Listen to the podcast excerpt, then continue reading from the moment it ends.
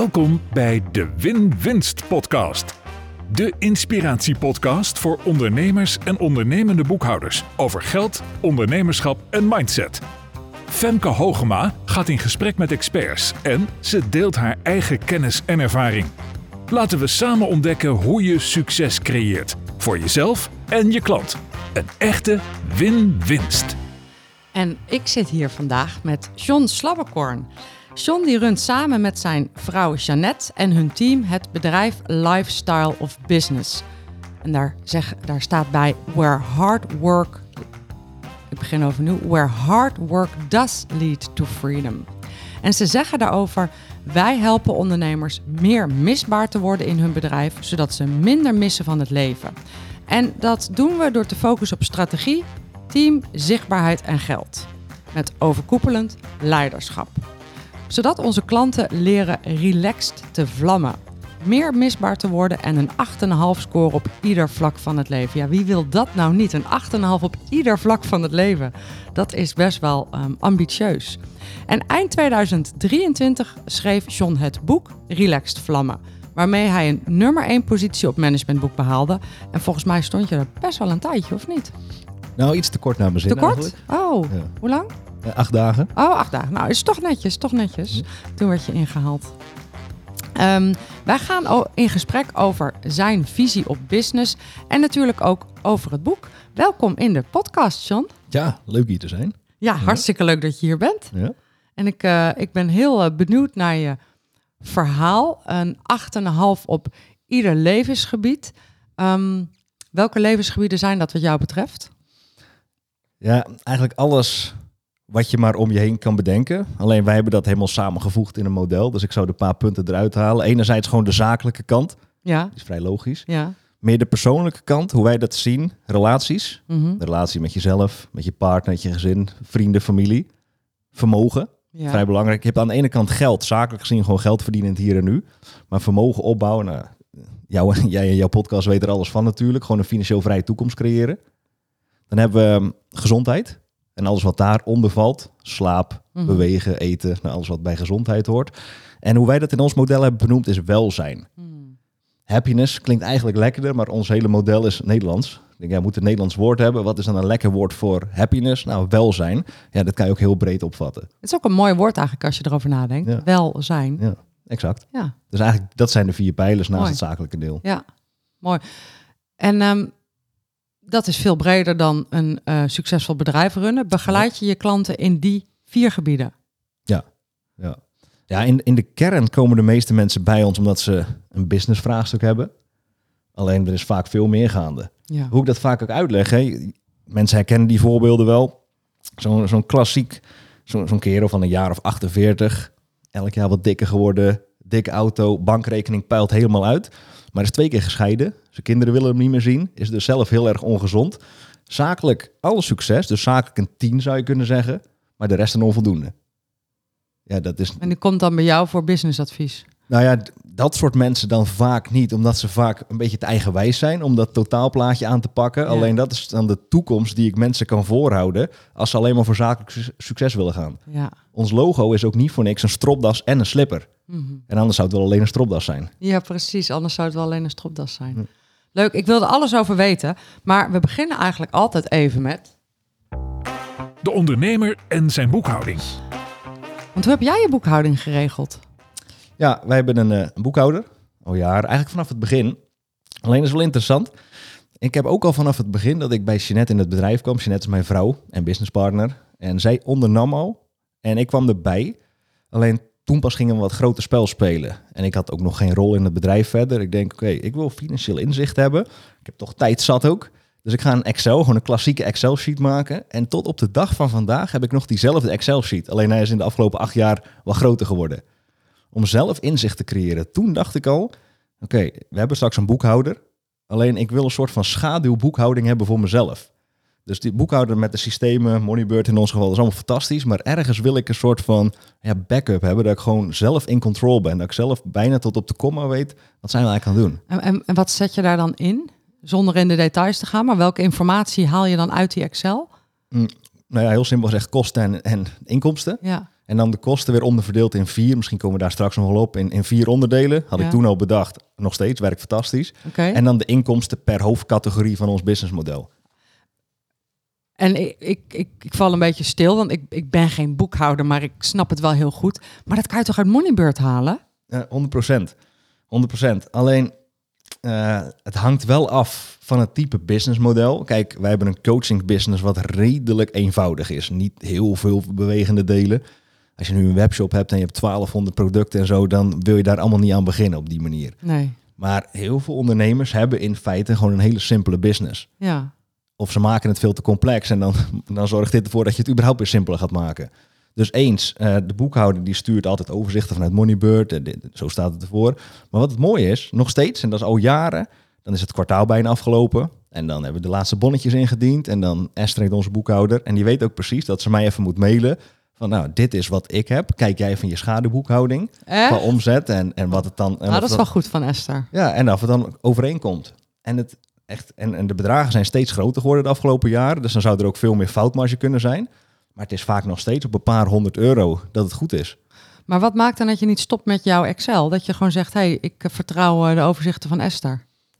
Omdat ik op detailniveau gewoon bijna real-time, nu als ik mijn laptop bij me zou hebben, dat ik gewoon even openklap, dat ik precies zie, Ja. oh, daar is zoveel, daar is zoveel. Maar wat gebeurt er, en, en dat is zeg maar de echte reden, als ik van die producten nog zoveel kan verkopen deze maand en van die producten nog zoveel, dan, Ja. dan schiet die daarheen, dan schiet die daarheen. Dus ik kan ook prognosticeren daarop. Dus je stuurt er echt mee. Ja. Ja.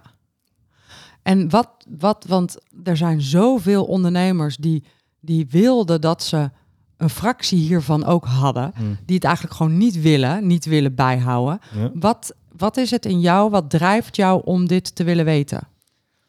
Het is vrij simpel. De meeste ondernemers die dit niet wil- willen bijhouden, die zijn eigenlijk bang voor eh, de realiteit. Hmm. En bang voor wat er dan boven tafel komt. Een soort van de kop in het zand is altijd veel fijner, veel comfortabeler. En op het moment dat je echt gaat sturen op cijfers, kan je nergens meer achter verschuilen. En wij mensen willen gewoon heel graag verschuilen achter wat we kennen. Maar wij mensen vinden verandering verschrikkelijk. Mhm. Ja, en ik kan me niet, als ik elke dag opnieuw, en ik doe het zeker elke week, elke zondag werk ik alles bij. Het kost niet heel veel tijd. Als je maar een goed systeem hebt staan, het kost heel weinig tijd. Ja. Dus elke week opnieuw ben ik in control. Maar elke week opnieuw word ik ook geconfronteerd met wat ik nog niet heb bereikt of wat ik al wel heb bereikt. Ja. ja, dus dat is denk ik een hele ehm, sterke eigenschap. Dat je zegt, de realiteit is daar. En dan kan ik hem maar beter ook weten ook. Want hij is er toch, of ik het nou weet of niet. Ja, dat schrijf je ook in je boek. Exact, want dat is net als van die mensen, een heel herkenbaar voorbeeld voor veel mensen, die dan niet op hun rekening willen kijken in, op, in tijden dat ze wat minder hebben gecreëerd, wat minder hebben verkocht in hun business bijvoorbeeld. En dan gaan ze Ja. niet op hun rekening ze kijken, Ja, struisvogelpolitiek. want zolang het nog kan pinnen zal het wel goed zijn en dan krijg je dat. Terwijl het is er toch al of het is er niet. Het feit is al gegeven. Mhm. En dan er niet naar kijken maakt niet dat het er niet is. Nee. En ik zeg het ook in mijn boek eh, Ondernemen in crisistijd. Je kunt het dan maar beter nu weten, want als je het vandaag weet, heb je meer tijd om er wat aan te doen dan als je het morgen weet, of volgende week, of volgende maand, of volgend jaar. Ja, dat leerde ik ook van Tony Robbins, daar was ik eh, onlangs. En die, ehm, die zei, als je eens per jaar stuurt op cijfers, dan moet je, dan moet je een fout van een jaar oplossen. Als je eens per week stuurt op cijfers, hoef je maximaal een fout van een week op te lossen. En als je iedere dag stuurt op cijfers, hoef je maximaal een fout van een dag op te lossen. Ja, Is dat ook een beetje de onderliggende gedachte? Ja, nooit zo over nagedacht, Ja. maar eigenlijk komt het daar wel op neer. Ja, ja. ja, Mooi. Vul aan. Geld is. Geld is noodzakelijk, geld is handig en geld is uiteindelijk ook maar gewoon een getal. En vooral die laatste is belangrijk. Het is Mhm. maar gewoon een getal. Mhm. Dat zag ik in het begin, toen ik bij Jeanette in het bedrijf kwam. Toen zag ik dat niet zo. Toen had ik dus heel veel lading en emotie rondom geld. En nu snap ik ook vanuit mijn ouders, vanuit mijn opvoeding. Ik had niet anders meegekregen. Alleen nu zie ik, ja, dan, dan zit ik in, in, onze, in onze rekening. En pas heb ik weer de factuur van mijn eigen coach betaald bijvoorbeeld. Dat zijn een, een klein vermogen allemaal. En dan, eigenlijk doet het me niet zo heel veel meer. Als in, het is gewoon een getal waar ik mee schuif. En dat komt binnen en dat gaat weg. En ja, het zijn eigenlijk gewoon getallen. Ja. Maar goed, ook wel een jaar Maar- of acht over gedaan. Maar ja, dat wordt natuurlijk wel makkelijker op het moment dat er voldoende geld is om zo te denken. Zo denken lijkt is heel moeilijk als er niet genoeg geld is. Ja, absoluut. Ja, Zeker. dus je moet eerst die ruimte creëren. Dat is wel handig. Ja, Ja, ja, ja. ja, En ehm, wat is het belangrijkste principe of wat je over geld hebt geleerd, of misschien de belangrijkste overtuiging over geld die je ooit had, maar nu niet meer? Nou, de belangrijkste die ik meekreeg vanuit mijn ouders, die absoluut onwerkbaar is, is: uh, oké, je moet altijd uh, hard werken voor geld. Mhm. Uh, je mag geen geld uitgeven wat er niet is. Eigenlijk wel echt de klassieke voorbeelden die heel veel mensen kennen vanuit hun verleden. Dat maakte, enerzijds, het heeft me heel gedisciplineerd gemaakt. Dat absoluut hoor, dus dat is het voordeel. Bijvoorbeeld op mijn dertiende, ik, ik wilde een radiotoren kopen. Nou ja, dan moet je er maar voor, voor gaan werken, want ik had dat geld niet. En ik denk, het is handig als mijn ouders dat geld geven, dan is, ben je er sneller. Dus dat vond ik een goed iets, als in, oké, dat je wel voor mijn bewustwording rondom geld, dat ik het zelf moest, moest genereren. Alleen ik had dat liever vanuit bijvoorbeeld meer een ondernemend perspectief geleerd. Maar daar waren mijn ouders niet, dus ik kan ze ook niet kwalijk nemen. Dat doe ik ook niet. Nee. Dus ik ging toen werken bij een biologische boer. Ik was 13 voor 3,20 euro per uur. En dan liep ik de hele dag in mijn laarzen te zwoegen op het land. Ja, en dan krijg je wel een besef van wat werk is voor geld. Alleen ik bleef dat vervolgens doen tot 26 of zo. En toen ben ik gestopt met mijn baan. Toen ben ik bij Sinet in het bedrijf gekomen. Maar ik heb Ja. er een jaar of uh, 13 over gedaan. Om, om die, te zien dat die overtuiging niet per se heel werkbaar is.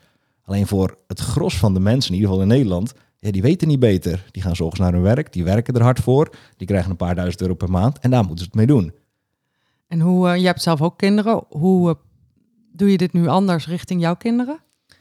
Ja, die zijn nog heel jong, twee jaar en acht maanden en acht maanden. Alleen we zijn er wel al mee bezig. We hebben nu al een beleggingsrekening. Uh, daar zetten, als we geld krijgen van opa's en oma's of zo, zetten we dat daar al op. Op het moment dat ze straks wat meer bewustwording krijgen, dan zullen we ze daar ook in meenemen. Als zij een jaar of 18 zijn, dan zijn ze eigenlijk al heel vermogend. Dat weet ik nu al. Ja.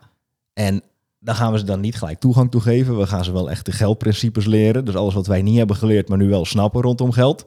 Ja, daar gaan we zo wel in meenemen. Mm -hmm. maar, maar, maar, en je zegt van dat um, jij hebt geleerd dat je hard moest werken voor je geld. En je had liever een wat meer ondernemende mindset gehad.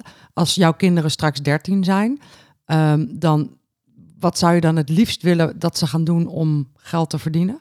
Als jij het ja. mocht kiezen, dan kan je niet kiezen, want je kinderen gaan dat zelf kiezen, hoop ik. Maar ja, idea jij, idealiter ja. uh, stuur ik ze dan niet naar een of andere biologische boer om onkruid te trekken voor 3,20 euro per uur of tegen die tijd 5 euro per uur of whatever. Uh, dan zou ik ze meer principes meegeven hoe je ook op een andere manier waarde kan toevoegen. Dus mm -hmm. meer vanuit ondernemersperspectief. Ja. Dus als er weet ik veel, hè, dan kan ik me voorstellen als wij een rotzooi in huis hebben verzameld, dat ze dat gaan verkopen. En dat je ja. ziet, hey, je kan niet verkopen, krijg je geld voor. Of whatever het ook maar is. Ja. Maar vanuit meerdere invalshoeken. Ja, maar dat, je zegt al iets heel moois. Uh, vanuit waarde toevoegen. Hmm. Dat wil je ze dan leren. Van welke, ja, op welke manier kan jij nu waarde toevoegen? Want dat is geld waard. Exact. Ja, ik heb er net een heel boek over geschreven. Hè? Weet je dat al? Nee. Kinderboek over geld. Oh, ik zag wel dat je ermee ja, bezig was. Ja, dat, daar zit, dit zit hier natuurlijk oh, in. Goed. Ja, ja, heel spannend. Maar goed, daar ga ik een andere keer over hebben. De expert aan het woord.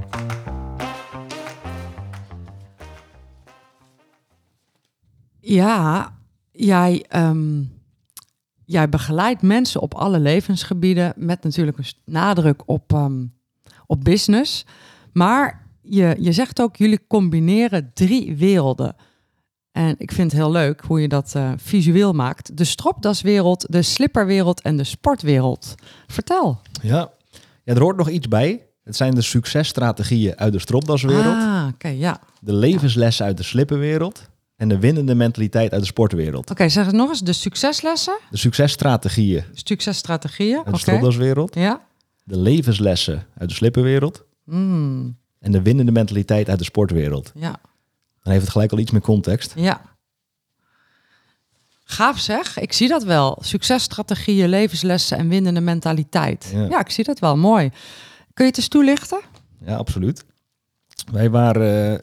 Uh, 2000, eind 2015 stopte ik met mijn baan, kwam ik bij Jeanette in het bedrijf. En toen dachten wij al heel snel, althans een beetje geholpen door Jeanette, want ik was nog wat meer terughoudend, dat, uh, oké, okay, willen wij ons omringen, of willen wij zakelijke badasses zijn, dan moeten wij eigenlijk ons omringen met zakelijke badasses. Oftewel gewoon coaches op een veel hoger niveau. Dus wij stapten toen in, toenmalige Straight Line Business School van Straight Line Leadership. Ja, ik ken het, ja. En ja, dat was nogal even een zakelijke wereld voor ons. En we zijn daar nog steeds bij aangehaakt trouwens. Alleen toen zagen we ook al in, oké, okay, dit is leuk, maar dit is zeg maar alleen de stropdas van ons logo. Toen hadden we dat logo nog niet, maar dat is wel heel erg hard, zakelijk mm. en ook niet meer dan dat. In diezelfde tijd gingen wij acht maanden per jaar op reis. Dus wij waren van 2016 tot 2020 waren wij acht maanden per jaar in het buitenland. Op hele tropische locaties. En toen liepen we alleen maar op slippers of blote voeten. En toen kwamen we erachter, hey, hoe is het nou eigenlijk om die wereld te combineren? Want door al dat reizen, al die verschillende culturen, toen kwamen we er ook achter. Oké, er is wel meer dan alleen dat 100 uur per week werken, stropdas om en, en zakelijk succes. Er is ook zoiets als gewoon een leven. Met die Mhm. levenspijlers die ik in het begin van deze uitzending noemde. Mhm. Ik denk, dat is interessant. Dus zo is eigenlijk ons logo ook ontstaan. Ons logo is een stropdas en een slipper. Alleen toen later in onze, in onze verdere ontwikkeling, toen kwam er één ding kwam ook altijd terug als rode draad. Een stukje discipline. Eigenlijk die winnende mentaliteit uit de sportwereld. We hebben die ervaring. Jeanette is opgeleid tot diëtist. We hebben een diëtistenpraktijk gehad. We hebben een sportschool gehad met een eigen bikini fitness atletenteam. Dus in de bodybuilding. En we hebben zelf bodybuild wedstrijden gedaan. Nou, daar heb je extreem veel discipline voor nodig om ja, voor een cheap plastic trophy. Die we dan nog niet eens, die, die we dan nog niet eens wonnen ook trouwens. maar ik denk, wat, wat onderscheidt ons nu altijd ook als persoon ten opzichte van de rest? Want eigenlijk alles wat wij zeggen te willen bereiken, bereiken we vaak ook. En dat is niet vanuit arrogantie, want daar moeten we altijd tering hard voor werken. Dat is ook de onderzin van lifestyle of business, where hard work does lead to freedom. Mhm. Dus wij zijn altijd bereid om het werk te doen wat bijna niemand bereid is om te doen. Maar dat komt onder andere door onze mentaliteit. Mhm. De winnende mentaliteit uit de sportwereld. Dus hoe hebben we eigenlijk die, die zakelijke wereld, gevoed door straight line leadership. De levensles uit de slippenwereld, door onze vijf jaar lang reizen over de wereld. En dan onze nou ja, sportachtergrond, de winnende mentaliteit uit de sportwereld. En dat hebben we zo gecombineerd. Cool. En, ehm, en als je dat dan in optima forma combineert en je, je, je doorleeft die drie gebieden, wat levert dat dan op? Uiteindelijk, eh, je zou kunnen zeggen, de status van relaxed vlammen. Ja, Zo heet de titel ook van mijn boek. ja Ehm, maar misschien nog wel beter gezegd, die 8,5 op ieder vlak van je leven. die 8,5. Ja. Dus om die 8,5 te bereiken, hoef je eigenlijk alleen maar die drie levensgebieden te combineren. Of die drie eh, ja, gebieden te combineren. Ja, dat is het idee. Ja. En ehm, eh, noem eens eh, één, één zo'n successtrategie uit de, de stropdaswereld waarvan je zegt, ja, als je nou één strategie, als je deze nog niet hebt, dan moet je eraan gaan werken. Goh, daar kunnen we ook eh, 6,5 uur over spreken. Deel 2 van mijn boek, daar gaan we het straks ook nog over hebben, die bestaat uit vier pijlers. Ja. Strategie, team, zichtbaarheid en geld. Ja. En in ons model, we hebben een heel model ontwikkeld, een vliegtuigmodel, en dat is fantastisch. Ja. En dat is, linksbovenin staat de koffer. En die koffer staat dus voor de succes, successtrategie uit de stropdaswereld. En dus die, bestaat, die koffer bestaat uit vier onderdelen. Strategie, team, zichtbaarheid en geld. En overkoepelend, je had het ook in je intro benoemd, leiderschap. Ja. Dus die pijlers op zichzelf zijn allemaal belangrijk. Er is er niet één belangrijker dan de ander. Maar wat Ja. wel het allerbelangrijkste is, de leiderschap die jij kan nemen over jezelf en over anderen. En Ja. het begint bij de leiderschap over jezelf. Ja. Ja. Als je geen leiderschap weet te nemen over jezelf, dan kan je überhaupt ook geen andere mensen, of je nou wel of geen team hebt, maar je werkt altijd met mensen, of nou klanten zijn of, of mensen in je team of allebei. Als je niet Hmm. over jezelf die leiderschap kan nemen, kan je dat ook niet over anderen. Ja. Dus dat is wel de allerbelangrijkste. Alleen, ja, dat is niet echt een bevredigend antwoord. Want ja, wat is dat? Hoe doe je dat? Daar komen we misschien, misschien zo nog wel op. Nou ja, maar op zich snap ik het. Je zegt alleen al die suc- successtrategie, die gaat over en strategie en team en zichtbaarheid en geld en over zelfleiderschap. Hmm. Dus eh, logisch dat je zegt, daar kunnen we ook al 6,5 uur over praten. Ehm, eh, toch probeer ik het nog even. En levenslessen dan? Ehm, levenslessen uit de slippenwereld. Wat is een levensles die jij en Jeannette echt hebben geleerd van het reizen? Hmm, dan kom ik toch op communicatie. En communicatie is een containerbegrip. Maar als we kijken naar de pijlers, ik had ze natuurlijk net al benoemd, hè? gezondheid, relatie, welzijn, vermogen. Wat ze allemaal met elkaar in common, allemaal gemeenschappelijk hebben, is communicatie. Een goede relatie valt of staat met communicatie. Ehm, maar ook een goede gezondheid valt of staat in zekere zin ook met de communicatie. En dat gaat veel vaker over de communicatie met jezelf. Ga ik wel of niet sporten? Heb je zo'n stem in je hoofd? Ah, ga toch nog maar even een keer niet. Ga ik dit of wel of niet opeten? Iets ongezonds? Ah, ik heb eigenlijk wel zin in. Ook weer communicatie. Dus zo kan je alles terugvoeren op communicatie. Ehm, dus dat is denk ik het beste antwoord dat ik daarvoor nu op kan geven op hoofdniveau. Ja, geweldig. En eh, dan de, die winnende mentaliteit uit de sportwereld. Ja. Ehm, daar zit denk ik discipline in. Zeer zeker. Voor, voor het beeld, als ik iets moet uitzoomen, die bestaat uit vier onderdelen. De vier lifestyle of business tegenstrijdigheden. Mhm. Zeg maar unieke woordcombinaties die wij hebben bedacht. Ja, De die eerste staan is... ook in je boek. Absoluut. Ja. Ehm, een bepaalde volgorde zit erin. De eerste is comfortabel discomfort. Mhm. Oftewel, je moet altijd comfortabel worden met het oncomfortabele voordat je een Ja. volgende stap kan zetten. Ja, en ik, ik zat hier ook met Sander Aarts, die ken je ongetwijfeld ook. Mhm, mhm, En die zegt eh, eh, eh, groei boven comfort. mhm. Ja, Ja. ja. oké. En, en, en dat leidt toe, de tweede tegenstrijdigheid, dat is onbewogen veerkracht. Mhm. Om dit even iets beeldend te maken, terug naar comfortabel discomfort in de salescontext. Dus mensen weten ergens wel, als ze te weinig omzet hebben, dat ze de telefoon moeten oppakken en dat ze gewoon mensen moeten gaan opbellen om iets aan te bieden. Ja, Heel simpel. ja, Alleen dat is over het algemeen heel oncomfortabel. Je zou comfortabel moeten worden met die telefoon oppakken, mensen opbellen, nee krijgen. Dat leidt gelijk naar die tweede onbewogen veerkracht. Dus dan ben je comfortabel geworden. Dus je pakt die telefoon en je belt 324 mensen op en de eerste 12 mensen zeggen nee. Ja, en dan? Dan moet je veerkracht hebben. Hoe onbewogen veerkrachtig ben je dan? Dat leidt uiteindelijk tot de derde tegenstrijdigheid, dat is begrensde vrijheid. Je hebt juist grenzen nodig om vrijheid te kunnen ervaren. Alleen de meeste mensen, vooral in de een beetje Instagram-bubbel waar we vandaag de dag leven, praten elkaar ook allemaal na. Mensen die dan, "Oh, je moet stoppen met je baan, je moet voor jezelf gaan werken, en, want eh, dan heb je ultieme vrijheid. En die mensen die hebben dan geen enkele vorm van kaders en grenzen meer, want dan denken ze vrijheid te hebben. Maar tegendeel is waar. Die mensen komen na een jaar op Bali of zo, komen ze erachter. Ja, dit is het ook niet. Dus op het moment dat mensen wel grenzen hebben, bijvoorbeeld vier keer per week sporten, bijvoorbeeld 80% van de tijd gezond eten, bijvoorbeeld, ehm, weet ik veel, 12 leads per dag opbellen om een omzettarget te halen. Grenzen geven uiteindelijk die vrijheid. Ja. En dat gecombineerd leidt tot de ultieme tegenstrijdigheid, dat is relax vlammen. Ja, relaxed vlammen. En dat is? De definitie van relax vlammen eh, is heel simpel, zoals ik hem vaak uitleg. Grote en eh, hele ambitieuze doelen willen behalen met een doorlopend vakantiegevoel. Mhm. Grote doelen stellen is heel makkelijk. Daar ook voor gaan is ook heel makkelijk. En jezelf voorbij lopen is ook heel makkelijk. Maar lukt, lukt jullie dat? Heb jij een doorlopend vakantiegevoel? Dat is wel, een, vind ik, dat klinkt voor mij wel als een groot streven. Ja. ja, het is maar net welke betekenis je eraan wil geven. Eh, nee, het is niet dat ik eh, twaalf maanden per jaar op mijn slippers loop. Weet ik veel, op Curaçao of zo. En, Nee. en af en toe eens even inloggen. Heb ik nog wat verkocht. Dat Nee. is niet voor mijn doorlopend vakantiegevoel. Voor mij is een doorlopend vakantiegevoel in principe zo'n beetje elke dag aan het werk zijn. Maar wel heel relaxed. Tussendoor al mijn eigen grenzen en kaders duidelijk hebben. Dat ik weet, oké, ik train gewoon vijf keer per week. Ik ben in principe elke avond thuis met Jeanette en met de jongens qua eten. Ik stop ze elke avond gewoon in. Ik stop Jeanette elke avond in. De- en, en dat is voor mij allemaal... Je stopt je net elke avond in. Ja, ja, we slapen niet samen. Nog Ah, een oké. verhaal van een Oh, andere oh, keer. een ander verhaal voor een andere keer. Al, al tien Ah. jaar niet trouwens. Oh, Maar dat is ook begrensde vrijheid trouwens. Ah. Eh, want door die grenzen, dat we dat al tien jaar niet doen, ervaren we veel meer vrijheid in onze relatie. Ah, Dus, dus dat kan je heel ver doorvoeren. ja. Maar, maar dat gecombineerd maakt dat ik nu al een paar jaar lang, denk ik, inderdaad wel zo'n beetje altijd een doorlopend vakantiegevoel ervaar. En hoe doe je dat dan? Want we moeten allemaal eh, dingen doen die we niet willen doen, denk ik wel eens. Mhm. Eh, ehm, ehm, ik, als ik gewoon naar mijn eigen werk kijk, dan denk ik eh, juridische dingen. Bijvoorbeeld, die vind ik zelden leuk, eigenlijk nooit. Hoe, hoe zie jij dat binnen jouw doorlopende vakantiegevoel? Of heb jij die niet? Heb je die toch niet? Nou, tuurlijk, er komen wel eens dingen op mijn pad waar ik eh, minder zin in heb of wat minder mijn voorkeur heeft. Je kan twee dingen doen, eigenlijk drie. Eh, zo snel mogelijk kijken wie het anders zou kunnen doen. Dat is wel een hele handige. Hebben veel mensen moeite mee, maar dat is een makkelijke. Ehm, het gewoon niet doen. Maar dat is vaak kop in het zand. Dat is ook niet echt ideaal. Of het gewoon doen zonder te zeuren. Mhm. Eigenlijk zo simpel als dat. Ja. Dus gewoon de verhalen die je eromheen hebt draaien, ga ik zo wat meer over uitleggen. De verhalen in je hoofd, gewoon aan de kant zetten Mhm. en het alsnog gewoon doen totdat Mhm. het gedaan is.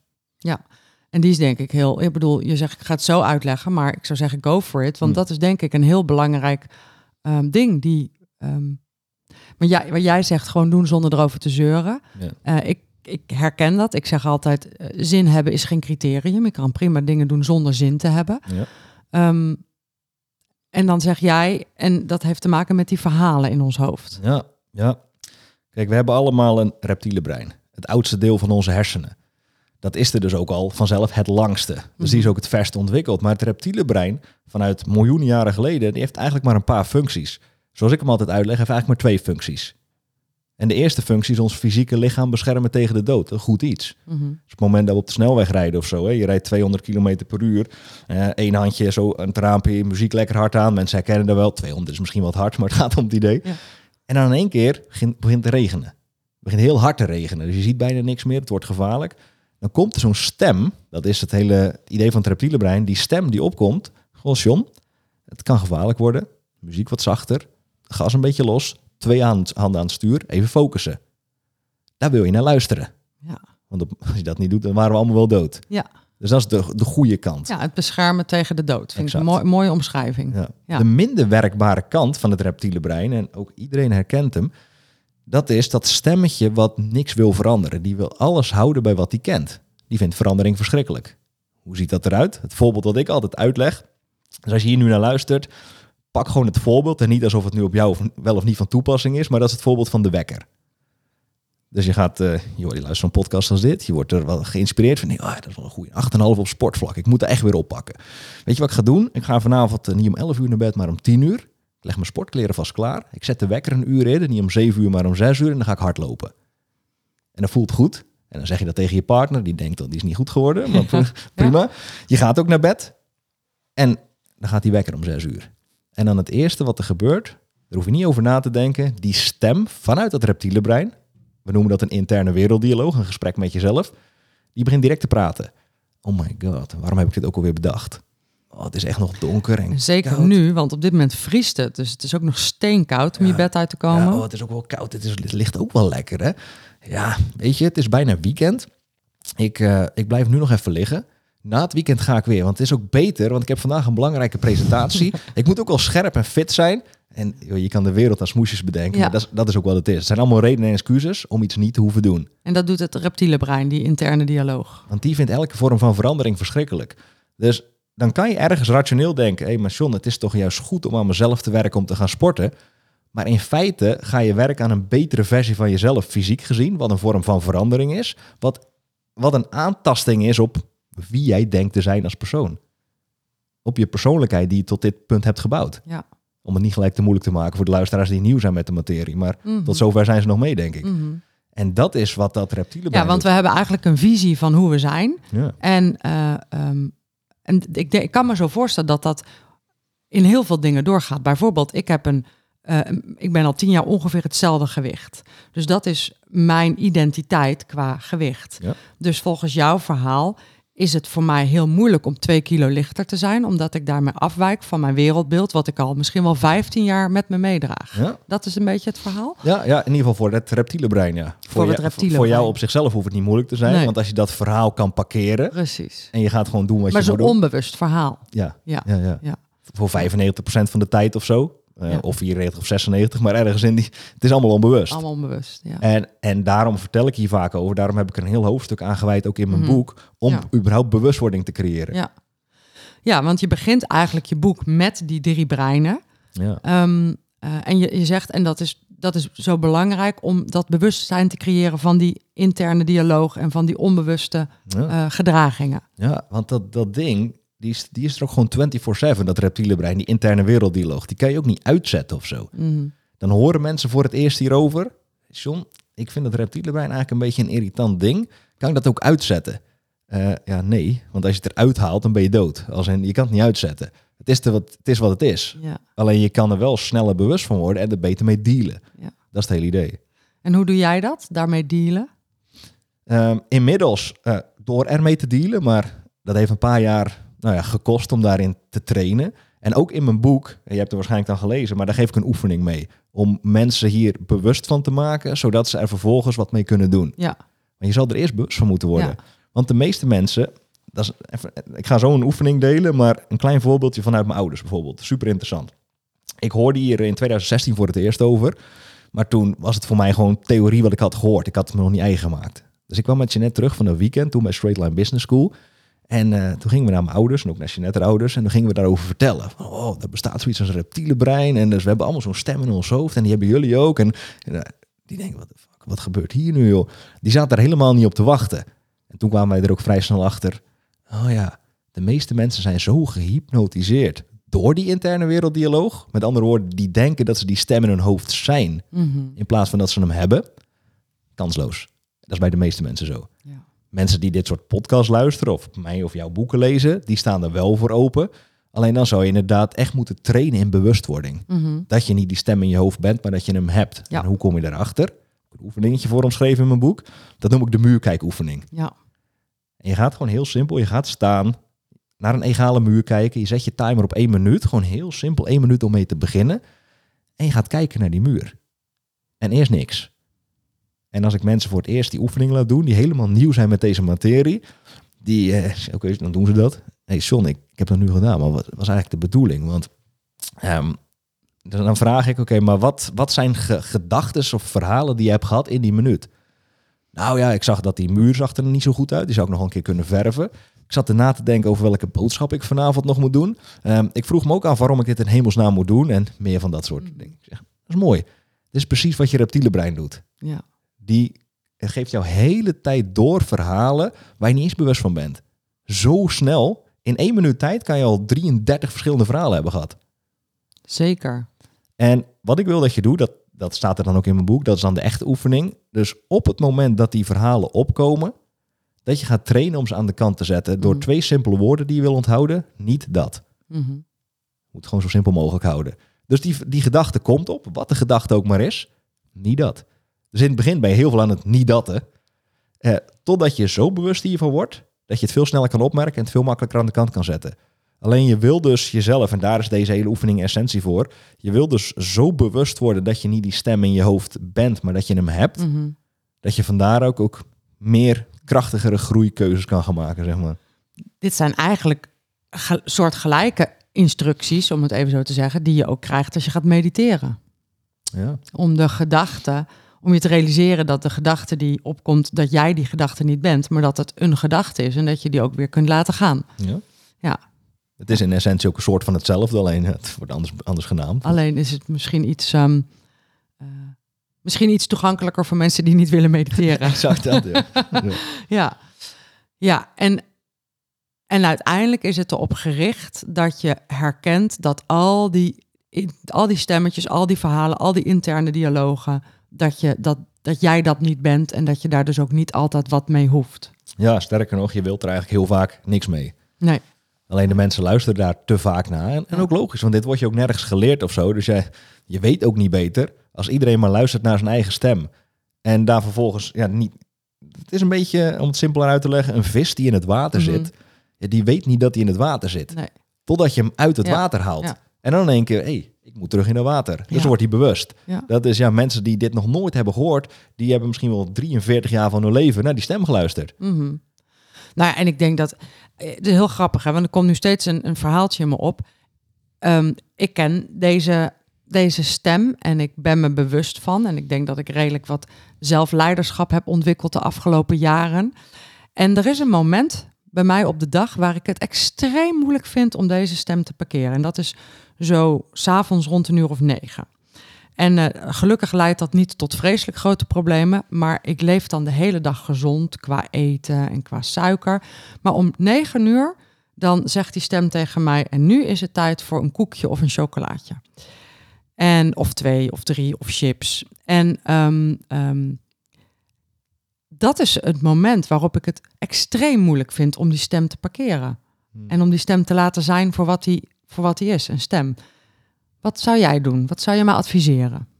Ik ben eerst benieuwd, wat doe je over het algemeen? Eh, nou, ik leg mezelf eerst uit dat, ehm, eh, dat, dat ik ook nog best wel een koekje mag. Dus ik ga die stem, die gaat mij dingen... Hè, precies wat jij net beschrijft, dat doet die stem. Die zegt, nou, maar dat mag nu wel. Je hebt de hele dag gezond gegeten. Het geeft niet. Ehm, en eh, nou ja, gisteren hebben mijn man en ik samen toevallig eh, heel gezellig koekjes zitten eten. Hm. Dus ik regelmatig luister ik naar die stem. Maar ik heb ook wel wat manieren om er niet naar te luisteren. Eén manier is tegelijkertijd met mijn kinderen tanden poetsen. Mm. Dus als ik mijn kinderen naar bed breng, dan poets ik tegelijkertijd met de kinderen tanden. En dan ja, heb ik mijn tanden gepoetst. Dan heb ik daarna niet meer zoveel zin in koekjes. Dus dat is één manier. Een andere manier die voor mij heel goed werkt, is eh, eerder naar bed gaan. Want als ik moe ben, dan is het moeilijk om die stem te weerstaan. Ehm, dus, ehm, dus ik eet niet iedere avond koekjes. Maar gisteren wel. Ja, ja, er is nog een andere manier. Ik weet niet of dat werkbaar is als je kinderen hebt om het niet meer te kopen. Dan is het niet meer in ja, huis. nou, dat zou voor mij extreem goed werken. Maar ik heb ook een man. Oh, ja. En die wil wel gewoon chips in huis. Ik zou inderdaad geen chips in huis hoeven. Ja? En de chips die mijn kinderen eten, die lus ik niet. Hamkaas, dus dat is ook prima. Hm? Dus eh, ja, maar ja, dan, dan ja. Ja, ja, dat kijk- is jammer. Ik heb een man die wel chips wil. Ja, ja dan Ja. zou je jezelf meer moeten trainen. en Jezelf eigenlijk Ja. meer moeten disciplineren. Kijk, er zijn een paar dingen waar we op in kunnen gaan. Eentje is een vrij simpele. Er bestaat zoiets als een, eh, een, een, een gat creëren, als ik hem heel simpel uitleg, tussen een stimulus, dus een actie, en een respons, een reactie. Ja, En er is een stimulus, iets wat in jouw hoofd zegt, oh, je hebt de hele dag goed voor jezelf gezorgd en het is allemaal zo goed gegaan. Even één keer kan het geen kwaad om eens even lekker een koekje te eten of zo. En zo heel subtiel gaat dat en dat ga je rechtvaardigen voor jezelf en voor je het weet zit je alweer met het in je handen en dan zit je het weer op de kanen. Je wilt eigenlijk dat gat tussen die gedachte en het daadwerkelijk in je mond stoppen, wil je creëren. ja. Maar de meeste mensen die, die, die krijgen die soort van impuls, die Ja. drang, En die handelen meteen. exact dat. Ja, het moment dat je die, die ruimte weet te creëren, dan heb je namelijk ook ruimte om een tegengedachte te creëren. Ja. Als ik hem simpel uitleg. ja, Dus hoe ziet dat eruit? Je krijgt die, die urgentie of die drang. Oké, pak maar even lekker dat koekje. Als dat koekje op een hele moeilijke plek ligt of zo, heel simpel hè, of het ligt helemaal ergens achter en je moet er drie keer iets voor verpakken, ja, dan is de kans heel groot aanwezig dat je in de tussentijd ergens de tegenwoordigheid van geest krijgt. Waar ben ik mee bezig? Waarom wil ik dit ook alweer? ja. Dus dat is een hele simpele. ja. Dat is net zoiets als een mensen met een telefoonverslaving. Stop hem in een kluisje of leg hem helemaal ergens in een laadje dat je hem niet eens ziet. Tegen die tijd dat je er bent, ja, waarom? Ik heb hem niet eens nodig. Nee. nee, dus want tussen, tussen de, st- het, het moment, de stimulus en de respons, eh, daar zit de ruimte van keuze. Exact. En als je die ruimte groter maakt, gun je jezelf meer keuzeruimte. Ja, Ja, dat is net als in communicatie. Mensen herkennen dat wel. Dan hebben ze weer ruzie met een partner. De partner zegt iets. En dan willen ze direct reageren. Stimulus respons, zit geen gat tussen. Ja. Dat leidt vaak tot een hoop ellende. ja. Op het moment dat je, dus ook vaak reptiele brein gedreven trouwens. Mhm, Op het zeker. moment dat je daar een klein beetje ruimte weet te creëren, Ja. door een keer in- en uitademen Ja. of zo, kan je een veel betere vraag terugstellen in plaats van dat je direct ook begint te schreeuwen. Oké, dus, dat, eh, dus meer ruimte creëren tussen stimulus en respons. Ja, en daarnaast een andere belangrijke, dat noemen we in coaching, je hebt een geprogrammeerde toekomst en een gecreëerde toekomst. Ja, En dan geprogrammeerd nog beter een ongewenste geprogrammeerde toekomst. Heel simpel gezegd wat dat inhoudt, dat is je toekomst waar je op afstevend als je niks verandert van wat je nu aan het doen bent. mhm, Dus op het moment dat jij gewoon lekker af en toe met regelmaat blijft toegeven aan die drang om chips en koekjes te eten, ja, dan weet je één ding vrij zeker. Die paar kilo waar we het net over hadden als voorbeeld, ja, die gaan er nooit af. Sterker nog, ze komen er waarschijnlijk bij in de komende jaren. ja, Aan de andere kant, jouw, of jouw gecreëerde toekomst, dat is een toekomst die er nu nog niet is, maar waarvan je wel in staat bent om hem te creëren. Dus in geld gezien bijvoorbeeld, iemand luistert hierna, dan denk ik, nou, mijn bankrekening is net wat te leeg, mijn omzet is net wat te laag.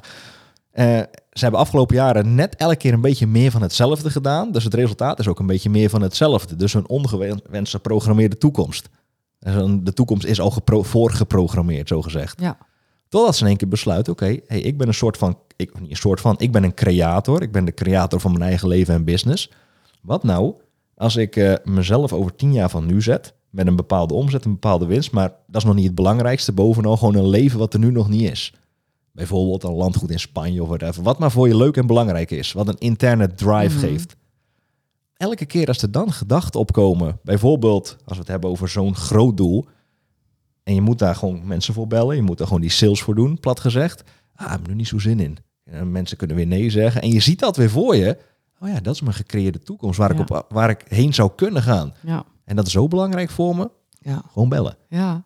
Dat is dit ook qua gezondheid. Ja, dat is ook qua gezondheid. Ja, nou goed. En ik noem dit als voorbeeld. Ehm, eh, het is wel grappig, want het probleem is er namelijk ook niet. Er is geen probleem. Ik ben heel tevreden. Ik ben heel gezond. Ik voel me gezond. Ik voel me slank. Ik voel me fit. Hmm. Dus er is ook niet echt een probleem. En dat helpt natuurlijk ook niet. Als er een echt probleem is, dan wordt het druk om te veranderen veel groter. Maar er is wel een ongewenste situatie. Maar kennelijk is het of, of het probleem niet groot genoeg, of het verlangen naar die gecreëerde toekomst niet groot genoeg. Ja, zou Ja. zomaar kunnen. Ja. En, en ik zou in dit geval jezelf gewoon gaan trainen. Mhm. en, en ook, ik zeg het tegen jou in dit voorbeeld, maar eigenlijk tegen alle luisteraars. Want iedereen heeft het wel een meer of minder iedereen mate. heeft dit soort dingen. Ja, om Ja. gewoon dit ook weer als een spel te gebruiken. Oké, hier doe ik het alweer. Maar wie ben ik? En dan kom je echt op identiteitsniveau. Wie ben ik eigenlijk op het moment dat ik die gedachten heb en die Ja. verhalen heb? Ja. Nou ja, ik, ik ben eigenlijk gewoon iemand die, die het fijn vindt om van het leven te genieten of whatever. Oké, maar wie wil ik eigenlijk zijn? Ja. Oh, ja, ik wil een... Of ik moet, dat is nog beter. Ik moet een fit... Laten we zeggen, ik ben. Alles achter ik ben is een verklaring. Dus of je hebt een verklaring die je verzwakt, of je hebt een verklaring die je bekrachtigt. Ja, ik ben iemand die nou gewoon eenmaal toegeeft aan de drang van het leven. Van chips, van cookies, whatever. Ja, dat maak je eigenlijk, als je dat hardop uitspreekt, maakt dat je per direct al een soort van zwakken. Want dat is vaak toch niet waar je wil zijn. is niet wat je wil. Nee, en als je daar tegenover zet, maar oké, maar wie ben ik dan eigenlijk? Oké, maar ik ben iemand die fit is, ik ben iemand die gezond is, Ja. ik ben iemand die zegt wat hij gaat doen en zich Ja. daaraan houdt of whatever voor je werkt. Ja, en dat is een betere interne dialoog richting die keuken Ja, dan, eh, ja. Ja. ja.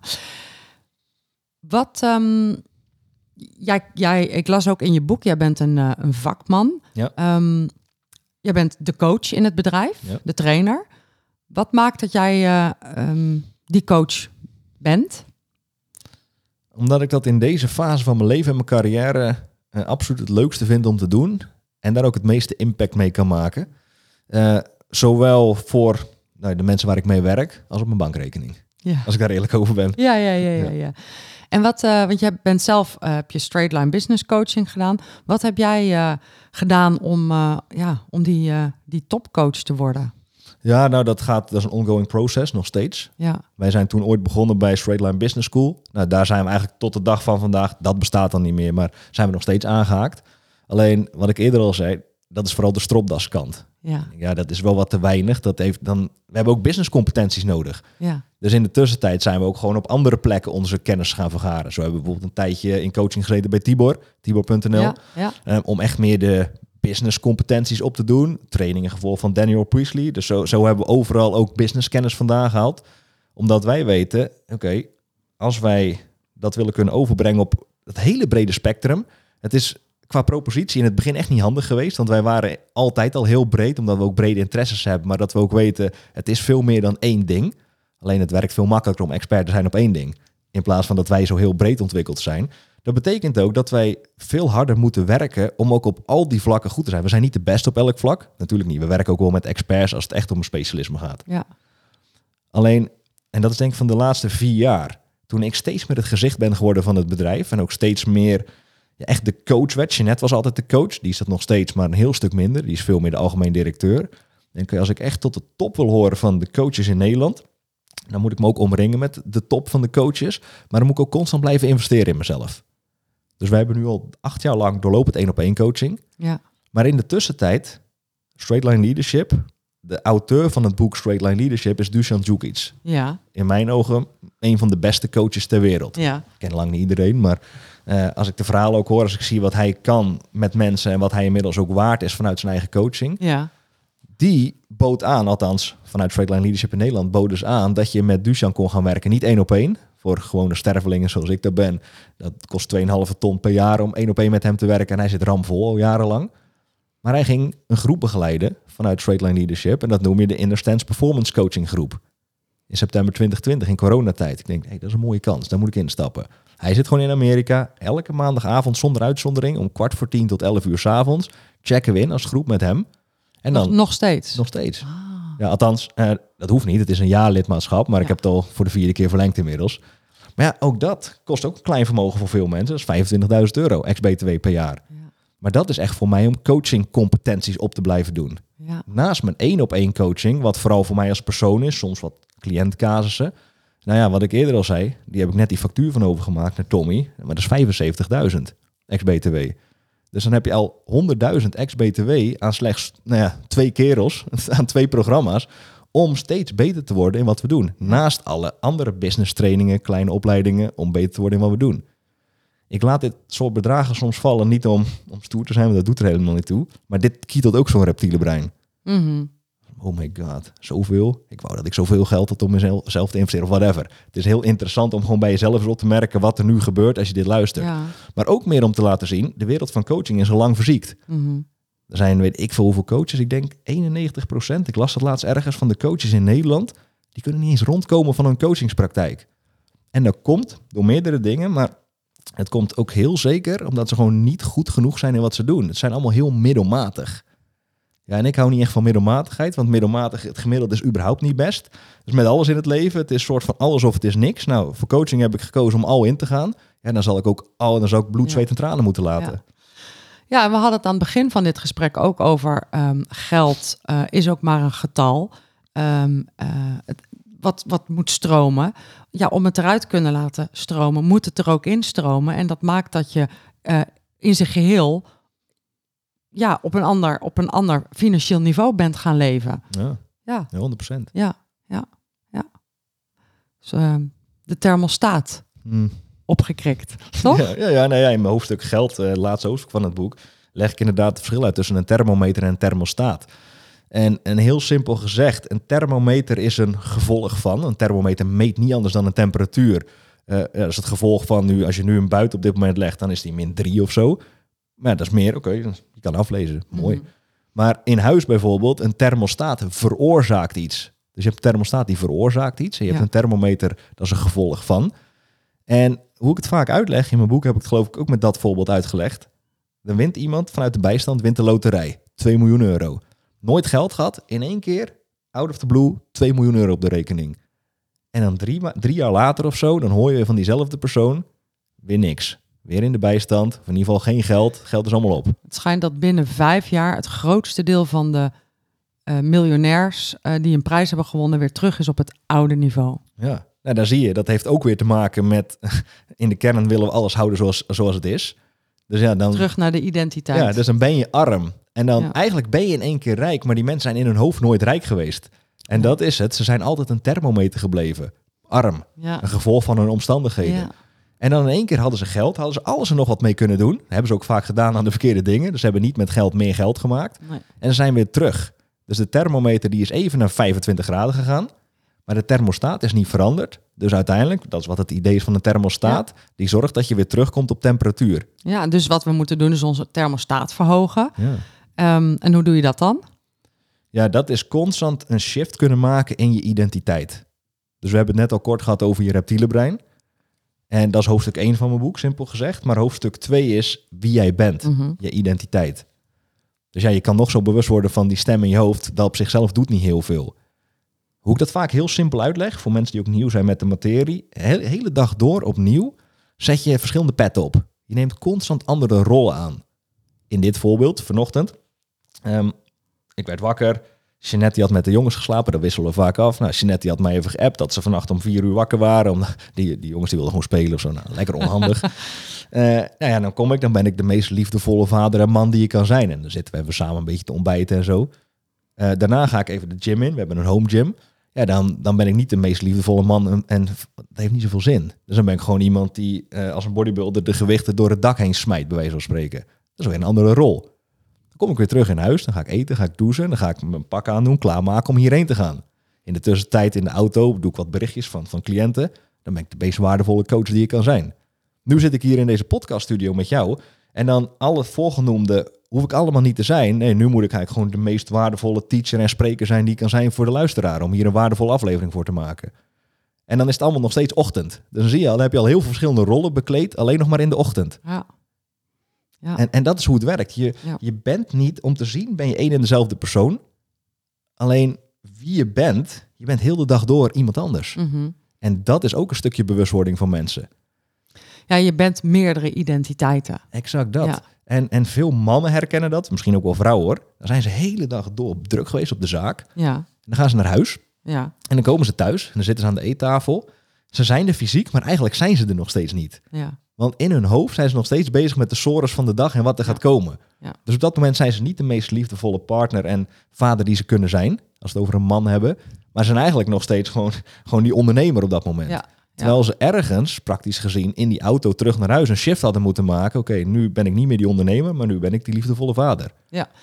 En wat ik jou dan hoor zeggen is, om je thermostaat te kunnen verhogen, moet je bewust zijn welke identiteit je kiest, wie je bent op Ja. ieder moment, wie je wil zijn en dat ook worden. Ex- Exact, inderdaad. Wie, je, wie je nu nog niet bent, wie Ja. je zou moeten zijn. Nog terug om dat, dit weer rond en compleet te maken. Die persoon die in de bijstand zit, die krijgt die 2 miljoen euro. Maar wie is die persoon die die 2 miljoen euro krijgt? Ja, nog steeds die arme persoon in de bijstand. Ja. Alleen hij heeft 2 miljoen euro. Dus dat matcht niet met elkaar. Maar in de kern wil die persoon niet veranderen. Nee. Want wij willen als persoon niet veranderen. Dat is namelijk ons, ons, hoe we geprogrammeerd zijn als mens. Ja, dus die moet eh, eerst een identiteitsshift maken door eh, Ja, nou, dan zou het handig zijn dat hij de begeleiding in krijgt of zo. Want dat gaat uit zichzelf nooit lukken namelijk. Nee, nee, nee. Nee, precies. Dat is ook de reden waarom wij al acht jaar lang doorlopend coaching hebben. Ik weet gewoon dat sommige mensen ook die nu luisteren van... John, je bent zelf een coach. Waarom heb je acht jaar lang al coaching? En waarschijnlijk heb ik het de komende 80 jaar nog. Omdat ik gewoon ook weet, ook al snap ik dit, ik heb het inmiddels niet meer nodig. De eerste paar jaar zou je kunnen zeggen, hadden we coaching nodig. Maar nu hebben we geen coaching meer nodig. We zouden ons, onszelf prima kunnen redden. Maar wij weten ook, als we daarmee stoppen... en we stoppen met het maken van die groeikeuzes... dan gaan we de komende jaren langzaam maar zeker terugcirkelen... naar, wij, naar wie wij in de kern denken te zijn. Oh, ja. En dat is hoe het werkt. ja, plus je bent nooit klaar met groeien en je hebt altijd die spiegel nodig om, om in te kijken. Ja, zo, inderdaad. Zolang je een bepaald level van ambitie hebt, ja. Ja, Want als wij geen, geen grootste doelen meer hebben... Ja, dan, dan zou het dom zijn om 100.000 euro per jaar minimaal aan onszelf te spenderen. Ja. Want het moet wel renderen, uiteraard. Ja, ja, ja. ja. Ehm, overigens denk ik dat een hoop mensen zich afvragen... Hoe laat je 100.000 euro in persoonlijke ontwikkeling renderen? Ik kan me voorstellen, ik bedoel, eigenlijk heb je alle antwoorden gegeven... het afgelopen nou, drie kwartier uurtje, denk ik. Maar ehm, ehm, ik kan me wel voorstellen dat die vraag bij mensen opkomt. Zeer zeker. Ehm, op het moment dat je dit luistert, je bent in business al een paar jaar en je bent nooit voorbij de 50, 60.000 euro in omzet gekomen. Dat heeft dan waarschijnlijk meerdere redenen trouwens, maar dan zou ik ook nog niet direct adviseren Om een om, om een vrij hooggeprijsde coach te nemen. Kijk, context is wel bepalend uiteraard. Maar ja, als je al weet dat je het niet eens terug kan gaan verdienen omdat je de schaalbaarheid, de capaciteit niet hebt, dan is dat eigenlijk kansloos. Maar op het moment dat je weet, oké, een coach gaat mij laten zien, een goede coach, die gaat mij laten zien wat ik nu zelf nog niet zie, waardoor ik überhaupt die investering keer twee, keer drie, keer vijf terug ga verdienen. Je weet vaak nog niet eens hoe, maar je weet dat het mogelijk gaat zijn. Ja, dan is dat interessant. Ja. Wij weten ook, oké, dit, dit bedrag, wat is serieus, het is 7 ton in de afgelopen jaren. Hè? Daar kan je Ja. een huis en een auto verkopen. Ja. Alleen ik weet ook, die 7 ton, die heeft ehm, miljoenen opgeleverd. Ja. ja, ik weet nog heel goed dat ik eh, eh, geen nieuwe auto kocht. Ik reed in een Opel Corsa. Eh, en ik kocht geen nieuwe auto, maar ik gaf wel ieder jaar geen ton uit, maar wel eh 15, 20.000 euro aan coaching en training. En ehm, dat mijn man zei, ja, maar je had, maar je had al lang een nieuwe auto kunnen kopen. En dat ik zei, nee, zo werkt het spelletje niet. Natuurlijk had ik eenmalig een auto kunnen kopen, maar dan hadden we eenmalig een auto gehad. Terwijl als ik het omdraai en ik ga dit eerst investeren in mezelf, dan kan ik straks en een auto kopen en nog een keer een auto en een huis. En Ja. dus je moet die investering doen. En uiteindelijk heb ik wel die auto gekocht, eh, eh, waar ik eh, echt heel blij mee ben. Ehm, eh, voor heel veel mensen is het nog steeds een hele eenvoudige auto. Maar ik ben er echt extreem blij mee. En, ehm, en er is ruimte om ooit nog eens een keertje iets groters te kopen. In plaats van dat dit nou voor de rest van mijn leven de auto is waar ik het mee moet doen. Mhm, ja. Ik heb niks met auto's, dat hoor je al. Hè? Maakt mij het uit, dan rijd ik in een Corsa. Ik heb helemaal niks met auto's. Maar ik vind mijn BMW 1 leuker dan een Corsa. Daar ben ik dan wel weer eerlijk in. Ja, bij ons net zo. Wij hebben ook niet zoveel met auto's, maar we rijden wel in een Range Rover. Dat is een vrij meer premium auto, zou je kunnen Ja. zeggen. Past wel wie, bij wie we zijn en ook wel bij het merk. Daar hebben we eigenlijk ook wel naar gekeken. Eh, en we hebben nu een gezin en het was al snel te klein, dus we moesten wat groter. Maar ja, verder denk je van A naar B. Maar je hebt wel zoiets als een standaard. Ja. En een standaard is wat jij bereid bent te tolereren. Dus mensen kunnen wel zeggen, ook heel reptiele brein gedreven, oh, ik geef helemaal niks om auto's, het brengt me van A naar B en dan hangen de deuren er half in en het ziet er niet uit. Maar ja, je standaard is wat jij bereid bent te tolereren. Maar Dus dat was echt heel grappig, want de, het moment dat ik besloot dat die Corsa eruit moest, was een moment waarop ik een eh, lezing gaf voor een zaal van 200 mensen. En ik eh, zag er keurig uit en ik had een fantastisch verhaal voorbereid. En toen ik uit mijn Corsa stapte op weg naar die lezing, stonden er 20 mensen buiten te ouwe horen. En toen dacht ik, dit is niet de standaard die ik langer tolereer. En dat was het moment dat de Corsa eruit moest. Exact. Ja. En, en als je dan nog gaat terugkijken, dan is dat ook het moment dat er weer een, nou, een nieuw Femke is Ja, opgestaan. precies. En ja. met de bijbehorende Ja. resultaten. En dan kun je zeggen, wat is dit voor iets achterlijks? Want is het belangrijk wat de buitenwereld van je denkt? Ik, het had niet alleen te maken met wat de buitenwereld van me dacht, maar het had ook te maken met het gevoel wat het mij intern opleverde van ja, maar dit, dit past niet meer. Dit is niet meer wie ik ben. Dit is het gewoon niet En- meer. Maar dat is het. Het is niet eens zozeer de buitenwereld. Ja, dat is een katalysator. Maar het is Ja. vooral wat je gelooft over jezelf en hoe Ja. je jezelf ziet. Ja, ja, dus het is, het is boeiend, en het is maar materie en toch is het ook niet alleen maar materie. Het is meer dan dat. Nee. Ja. En wat wel belangrijk is, je wilt alleen maar goodies kopen op het moment dat je het kan veroorloven. Ja. Op het moment dat je dit luistert en eh, je hebt dat gewoon niet, doe het ook niet. Het Zorg ook niet. eerst dat je Ja, gewoon shit regelt. Precies, precies, ik kon het gewoon cash aftikken. En dat was voor mij ook een voorwaarde. Ik wilde geen lening voor moeten afsluiten. Het is een auto, het is geen investering. Nee, zeker niet. Nee, nee. nee, want dat staat ook in je, in je boek. Heel even, je, je boek. Wat maakte dat jij besloot, ik ga een boek schrijven? Ehm, jaren geleden wilde ik het eigenlijk al. Ik Mhm. wilde, het klinkt heel, heel plat misschien of zo, maar ik wilde een soort van legacy creëren op twee manieren. En het is nu allebei gelukt. Kinderen, als een soort van mezelf eh, de- Ja. eh, qua nalatenschap. Ik denk, ja, en al die ervaring, al die tonnen die we hebben geïnvesteerd in onszelf, wil ik ook op een bepaalde manier doorgeven. Ik wil iets tastbaars creëren. Maar wel op een manier, kijk, video's, podcasts, dat is ook wel tastbaars, maar dat doen ook zoveel mensen. Gewoon, ik denk, een fysiek boek, Een echt boek. een echt boek. Ja. Alleen jaren geleden achtte ik mezelf daar nog niet competent genoeg voor. En dat was feitelijk gezien ook zo. Tot een jaar of anderhalf geleden, twee jaar geleden, denk ik, oké, nu moet het gaan gebeuren. Want ergens moet wel een keer die stip worden gezet op de horizon en moet ik er ook voor gaan. ja, En als je luistert naar die stem in je hoofd, dan ben je er nooit klaar voor. Ben je nooit competent genoeg, er is altijd een volgend niveau. En over drie jaar, als ik mijn boek teruglees, dan denk ik, oh my god, het wordt tijd voor een nieuw boek of zo. Want hier sta ik ook niet helemaal meer achter. Of ik ben zoveel verder ontwikkeld. Dat zie ik dan wel weer. ja, Maar ik wilde nalatenschap cre- creëren. En ja, ik heb gewoon wat met die, eh, of, of tegen zou je kunnen zeggen, tegen alle bullshit coaches in Nederland. Er zijn zoveel coaches, er zijn heel veel slechte coaches, maar er zijn ook heel veel slechte coaches die dan ook een boek schrijven.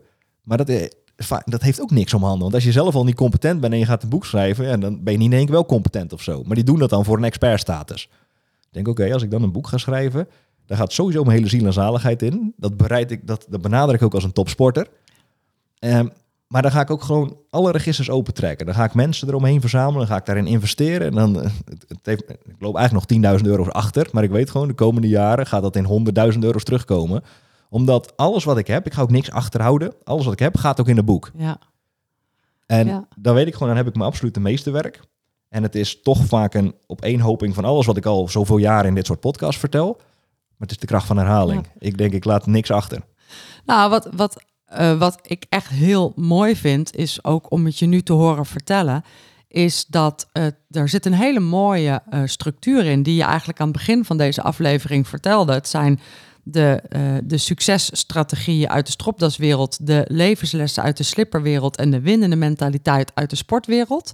Onder die successtrategieën hebben we dan nog weer een onderverdeling van categorieën. Maar dat heb je ook in die andere gebieden. En op die manier komt alles samen. En dat is wel een mooi geheel. Dus een Ja. mooie structuur die je, waar je zelf ook van zegt dat jullie die hebben ontwikkeld. Ja en, Ja. en dat is het ook. Die structuur, die was er eerst ook nog niet. Waardoor, Ja. ik, waardoor het boek ook loszand zou worden. Ja, precies. En vervolgens is die hele methodiek, die is door de jaren heen ontwikkeld. Die is steeds wat bijgeschaafd. En op een bepaald punt stond die. De hele model stond ook. Denk, oké, dan is het eigenlijk heel simpel. Dat kunnen we in een boek gaan vertalen. Ja, mooi. Je, je gaf net aan, laten we het ook nog even hebben over die vier elementen waardoor je business blijft opstijgen en eh, gaat vliegen. Ja. Dus strategie, team, zichtbaarheid en geld. Ja. Ehm, daar kunnen we dus ook 6,5 uur over praten, zoals je net al aangaf. Dus misschien kun je van ieder element ja, toch nog eens een highlight delen. Iets wat we allemaal moeten weten over dat ene ding. Ja. Of wat je, waarvan je ziet dat er te veel mensen het niet weten. Of Ja. niet doen. Ja, om te beginnen, voor een klein beetje kaders waar we het over hebben. Elk bedrijf, groot of klein, daar zijn we achtergekomen de afgelopen jaren, die heeft te maken met deze slechts vier pijlers. Ja. Strategie, team, zichtbaarheid en geld. Of je nou een klein of groot bedrijf hebt, je zal een strategie moeten hebben. Ja. Of je nou een klein of groot bedrijf bent, Ja. je hebt te maken met een team. Ja, ze zit ook in mijn boek. Hè. Ik, heb, ik heb er dan eh, eh, acht, maar ze zit, dan heb ik iets meer detaillering erin aangebracht. Het zijn dezelfde. Ja, exact, Ja, exact. ja. En dan luisteren nu sommige mensen, en die zijn bijvoorbeeld ZZP'er. Nou, het team is voor mij niet interessant. Maar ja, met één iemand naast je, bijvoorbeeld je boekhouder of zo, feitelijk gezien heb je al te maken met een team. Zichtbaarheid, of je nou wil of niet, je zal toch zichtbaar moeten zijn. Zichtbaar voor nieuwe business, zichtbaar voor nieuwe medewerkers. Iedereen moet zichtbaar zijn. Ja, En geld, ja, nee, dat hoeft eigenlijk geen uitleg. Iedereen die heeft met geld te maken, want zonder geld heb je überhaupt geen business. nee. En zonder geld heb je überhaupt geen leven. Nee, Zonder geld had je hier nu niet op een stoel kunnen zitten, maar had die stoel ook niet op de grond kunnen staan. En nou ja, ga zo maar even door. E- Exact Ja. dat. en, en inderdaad, en in, in het verleden hadden we dit nog wat meer, hadden we wat, hadden we zeven of acht elementen, maar daar werd het alweer wat complex van en we konden het eigenlijk tot deze essentie terugbrengen. Ja, Want wij hebben een quote, nou je hebt hem in mijn boek wel drie keer terug zien komen, in de basis is alles simpel. Jij bent degene die het ingewikkeld maakt. En zodra je daarmee stopt, krijg je een leven en een business zoals je wilt. Dus je wilt dingen gewoon simpel maken. Ja. Daar komt Ja. het wel op neer. Ja. Mensen hebben vaak geen resultaat omdat ze dingen te complex maken. Mhm. Strategie om te beginnen. Dat is de eerste. Strategie is ook het langste hoofdstuk van het boek. Daar staat ook zoveel in. Het is bijna niet in één highlight samen te vatten. Maar als ik er dan toch één moet uitpakken, dat is de, ehm, de waardepropositie. Mhm. En die moet ik even uitleggen. Vrij vertaald is je waardepropositie het antwoord op de vraag: wat verkoop je nou eigenlijk precies voor wie? Mhm. De meeste ondernemers die hebben überhaupt daar geen goed antwoord op, maar die hebben een waardepropositie die niet klopt. Met andere woorden, ze verdienen veel te weinig omdat ze iets hebben in iets in de markt hebben gezet waar eigenlijk geen behoefte aan is. Omdat ze het zelf graag willen verkopen. Ja, nou dat is al een probleem op zich. Daar wil ik nu niet dieper op in, want dat is echt een specifieke podcast op zichzelf. Alleen het antwoord op de vraag, wat doe je precies voor wie? Dus dan kom je op zo'n netwerkevent en je, je komt iemand tegen. Dus wij kennen elkaar bijvoorbeeld niet. Hey Femke, vertel eens, wat doe je eigenlijk? Ja. En dan eh, begin jij te praten en jij hebt dat dan niet voor elkaar in dit voorbeeld. Ik denk dat het in het echt niet zo is, maar stel dat jij het niet voor elkaar Ja. hebt. Stel dat ik het niet voor elkaar zou hebben, dan zou ik bijvoorbeeld tegen jou zeggen. Nou, nou, ik zou, dat is niet zo, hè? Maar ik zou bijvoorbeeld kunnen zeggen, ik denk dat dat een veel gehoord antwoord is, is eh, ik ben boekhouder Ja, oh ja. of eh, ik ben communicatietrainer. Hè? Dat soort antwoorden. ja, inderdaad. Dat is echt het meest slechte antwoord wat je kan geven. Ik heb mijn best even gedaan. Ja. Nee, maar, maar dit is precies wat heel veel mensen wel Ja, doen. Of ze doen inderdaad dit. Ze benoemen dan hun, nou ja, hun job. Een vak. Ja, hun vak. Dat is niet echt interessant. Het brengt mensen direct in hun hoofd. De reptiele brein is direct gekieteld. Of de andere kant van het spectrum. Je krijgt een verhaal van vijf minuten. En je bent al na twaalf Ja. seconden uitgecheckt en je hebt geen idee wat iemand zegt. Nee. En in de tussentijd sta je eens om je heen te kijken van, Ja. nou, wie ga ik En als je dat nou eens wil oefenen, moet je met een IT'er gaan praten. Want? Die, die zijn echt in staat om vijf minuten lang te vertellen dat je geen idee hebt wat ze nou eigenlijk doen. Ja, Ja. ja. Maar dat is een groot probleem. Als ik een nieuw prospectgesprek heb, maar dat is met een nieuwe potentiële cliënt, dat is bijna altijd de eerste vraag die ik stel. Hey, vertel eens, wat is eigenlijk precies hetgene wat je doet voor wie? ja. Om gewoon eens even te kijken, waar staan we Waar eigenlijk? staan we en wat, wat En, antwoorden en ze? acht of negen van de tien keer krijg ik dus een antwoord van een minuut of vijf. Ja, ja, En dan zeg ik, hey, dankjewel voor deze fantastische uiteenzetting, maar kan je dat nog een keer opnieuw doen, maar dan in één zin? ja, precies. En ja, nou ja, en als we dan naar het, naar het betere antwoord gaan, is eh, ik hoop dat al mijn Profit First professionals iets zeggen in de trant van ehm, ik help mijn klanten meer winst maken. Bijvoorbeeld. En dat zou een goede eerste starter kunnen zijn. Want je hoeft niet pro proberen alles uit te leggen in die ene zin. Dat is vaak een misvatting. Maar het is meer nieuwsgierig maken. En dat die, oh, hey, dat klinkt interessant. Zou je Ja. daar wat meer over kunnen vertellen? Precies. Of hoe doe je dat dan? En dan wil je daar weer een antwoord op hebben. Ja. Ja. En, en ik, be- ik benoem bewust deze van alle punten die ik zou kunnen noemen bij strategie. Omdat hier het vaak eh, geld op tafel blijft liggen. Want als je dit al niet goed kan, ja, waarom zullen mensen dan bij je aan willen haken? Ja, En als je dit wel goed kan, bijvoorbeeld, ik heb meerdere varianten, dus ik kom iemand tegen, John, wat doe je eigenlijk? Wat ik doe, ik help ondernemers zoals jij, als ik dat toevallig weet, meer misbouwen in een bedrijf, zodat ze minder missen van het leven. Eigenlijk de ondertitel van een boek, dat is één variant. ja, Het zegt niet heel veel, maar het zegt ook wel weer alles. Als een, wow, meer misbaar. Zeker als iemand totaal geen misbaarheid ervaart.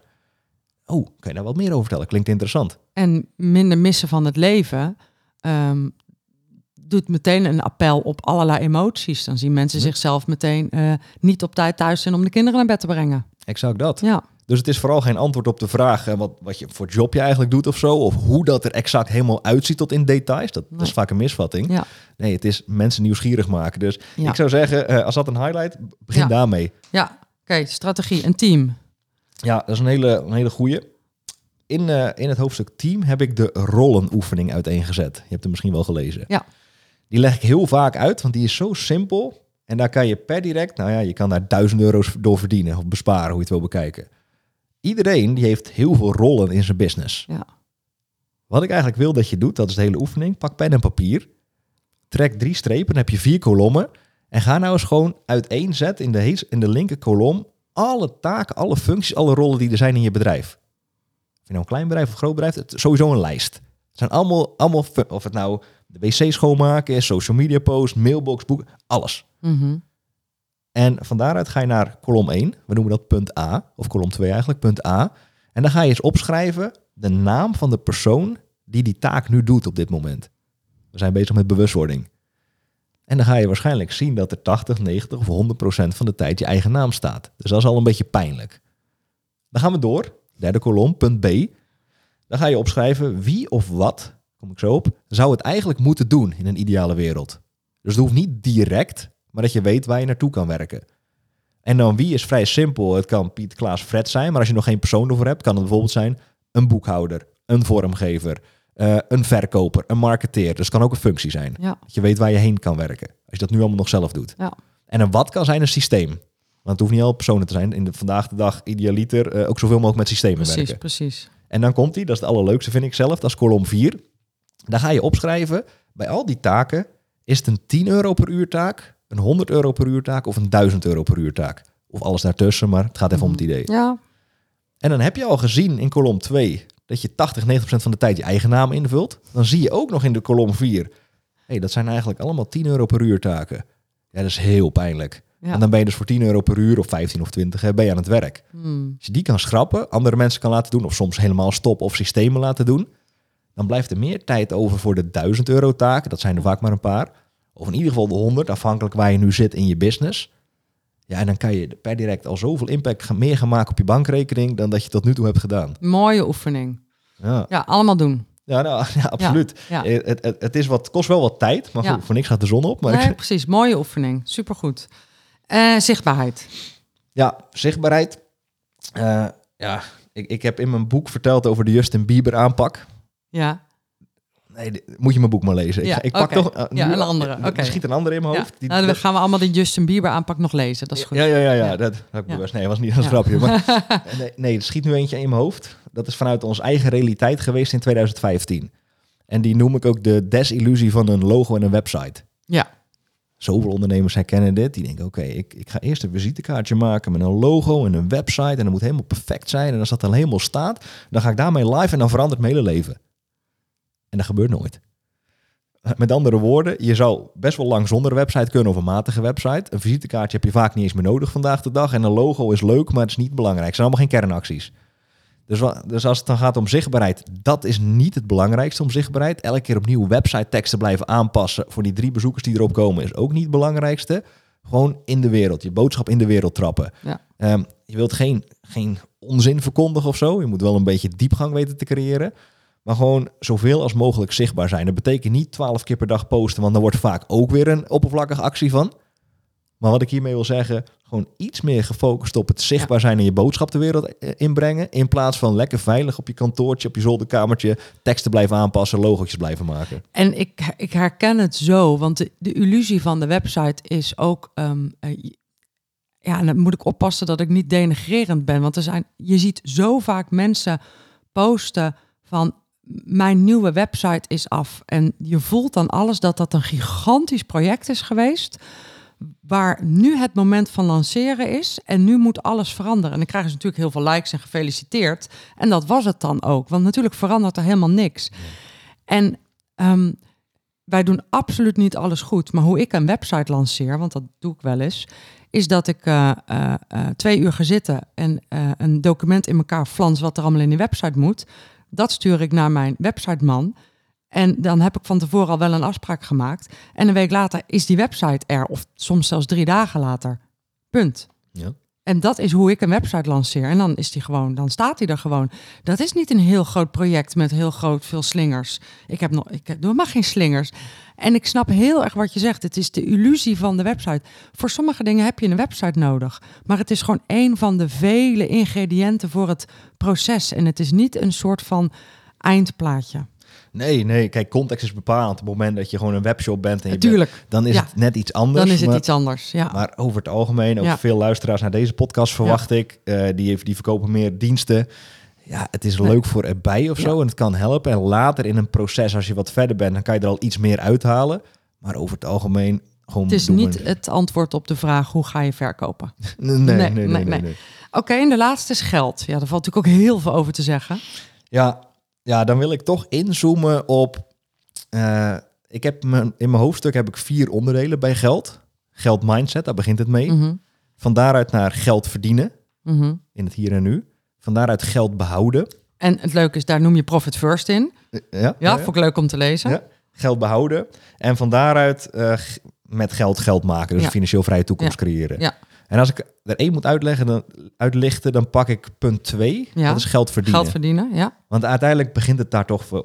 Als je kijkt, de meeste mensen die staan niet waar ze willen staan. Eh, misschien wel 80, 90 procent van deze luisteraars... die zouden ook verder willen zijn financieel gezien. Tuurlijk, hè, eh, je kan wat anders met je beleggingen omgaan. Je kan wat kijken waar je wat meer kan besparen. Je kan je money mindset wat veranderen. Dat, dat is allemaal belangrijk. Maar het, eh, gewoon echt snel succes... er bestaat niet zoiets als snel succes... maar laten we zeggen snel resultaat... is gewoon lijst maken met mensen... mensen opbellen, een verzoek doen. Ja, dat dat. noem je een aantal keer in dit gesprek, hè? Ja. Gewoon mensen bellen, gewoon salesgesprekken. Ja. Gewoon, En als, Ook- ik, en als ik dan een praktische tips, mensen houden van praktische tips, 20 namenlijst. 20 namenlijst, dat is een van de dingen die ik hoorde jaren geleden als het gaat om sales. Het is heel simpel, je gaat zitten met pen en papier en je gaat 20, je gaat net zo lang blijven zitten totdat je 20 namen op papier hebt van potentials, mensen die je zo een verzoek zou kunnen doen of om je eigen product te verkopen of om een doorverwijzing te vragen. Dat is ook wel een belangrijke. Want soms kom je niet aan 20, maar dan heb je wel vijf mensen waarvan je denkt, nou, die is niet echt relevant, maar die heeft wel weer een netwerk Ja. waar, waar ik geïntroduceerd zou kunnen worden. Maar vooral blijf zitten. ja, Want dan komen we weer bij dat reptiele brein. Dan zit je vijf minuten en de eerste drie namen staan zo op papier. En dan komt het, hè. Poeh, 20. Waarom eigenlijk 20? Waarom niet 5? ik, heb, ik kan al niet eens aan 5 komen. Ik vind het ook wel een beetje een vervelende oefening. Anders begin ik al met, met 3. Nee, nee, nee, nee. Daar doorheen, dat, niet dat, dat verhaal aan de kant zetten. En je blijft zitten. Want, niet dat, ja. want 20 zijn er altijd. En als je dan nog wat extremer gaat, dan heb je de zogenaamde gun to the head test. Mhm. Of de 1 million dollar question. Laten we die doen. Dat pa- past beter in de topic hiervan. De, de 1 miljoen euro vraag. Dus stel, hè, jij zegt, dus ik zeg dat tegen jou, Femke, ga gewoon eens zitten, want je loopt achter op je targets. Heb je al een 20 namenlijst gemaakt? Nee, nee, niet gedaan. Ga jij zitten en dan, eh, ja, 7, ja, ik kom echt niet te verder tot 7. En ik zeg, oké, stel nou, over drie kwartier van nu kom ik terug. En als er 20 namen op papier staan, krijg je vandaag nog 1 miljoen euro gestort op je bankrekening. Denk je dan dat het gaat lukken? En dan is het denk ik van 99 van 100 mensen, ja, dat gaat wel lukken. En dan zie je dus, dan is het vooral bullshitten van jezelf. Ja. Dit is wel een liefdevolle variant. Ik heb wel eens heftige varianten gehoord van deze. Ja, ik wilde beginnen met de kunt to de head test. Met, maar Precies, maar deze is wat liever. Ja, ja, ja. ja, Het, het principe komt op hetzelfde neer. Ja. Maar, Nee, want ik, heb, eh, ik, ik herken dit, dit, de, dit, deze soort oefening heel erg. Van, ehm, ehm, lukt het je om een miljoen euro te verdienen? En vraag je dat in een zaal van 10.000 mensen en dan gaan er 20 gaan daar staan. Ja, dat lukt mij wel om, weet ik veel, deze maand een miljoen euro omzet te draaien. En eh, dan krijg je de gun to the head vraag. Die kun je zo heftig maken als je wil met brandende huizen en eh, geliefden die daarin staan. En eh, lukt het je dan om deze maand een miljoen euro te verdienen? En dan gaat nog steeds niet iedereen staan, maar wel significant meer dan 20. hmm, En het is, het is dat, dat bullshit in je hoofd. ja, 100%. Alle- ja, ja, ja. Ehm, dus de 20 mensenlijst. Ja, dus eigenlijk gewoon Ja. plat gezegd, focus op sales. Ja, focus op sales. Mooi. Ja, we kunnen echt, eh, echt heel lang doorpraten. Ehm, welke vraag heb ik nog niet gesteld waarvan je zegt, ja, maar die wilde ik eigenlijk ook echt nog beantwoorden? Nee, het meeste wat ik eigenlijk...